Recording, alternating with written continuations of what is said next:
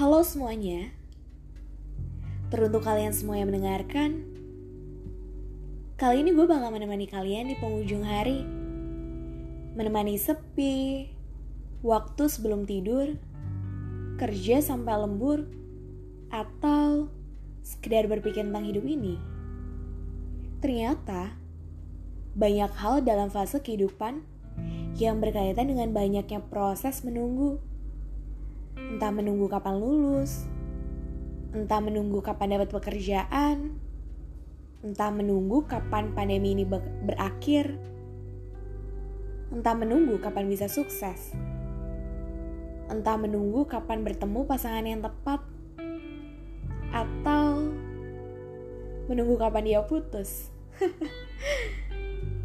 menunggu memang bukan proses yang mudah, tapi ternyata tanpa kita sadar, menunggu adalah hal yang menyenangkan. Nyatanya kita bisa menikmatinya. Kita juga bisa melewati banyaknya pengalaman yang kita rasakan. Bukan cuma sekedar pengalaman, tapi kita bisa merasakan rasa yang mungkin menjadi pengalaman pertama yang kita rasakan.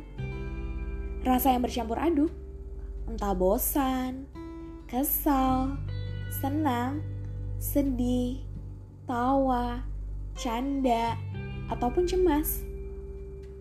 Banyak hal dari proses menunggu yang bisa kita jalani dan lalui. Lewat berbagai hal itu, kita jadi banyak belajar untuk jadi seseorang yang lebih baik lagi. Kita jadi belajar untuk kenal proses kehidupan. Belajar untuk memperbaiki, belajar untuk fokus, belajar untuk menjadi tenang, belajar untuk tidak menyerah, juga memahami berbagai karakter yang ada. Prosesnya memang butuh kesabaran ekstra, karena proses menunggu itu nggak sebentar proses menunggu itu butuh perjalanan yang panjang. Jadi, nikmati aja ya proses yang ada. Nikmati aja proses yang sedang kamu lalui. Sampai waktu yang terbaiknya akan tiba.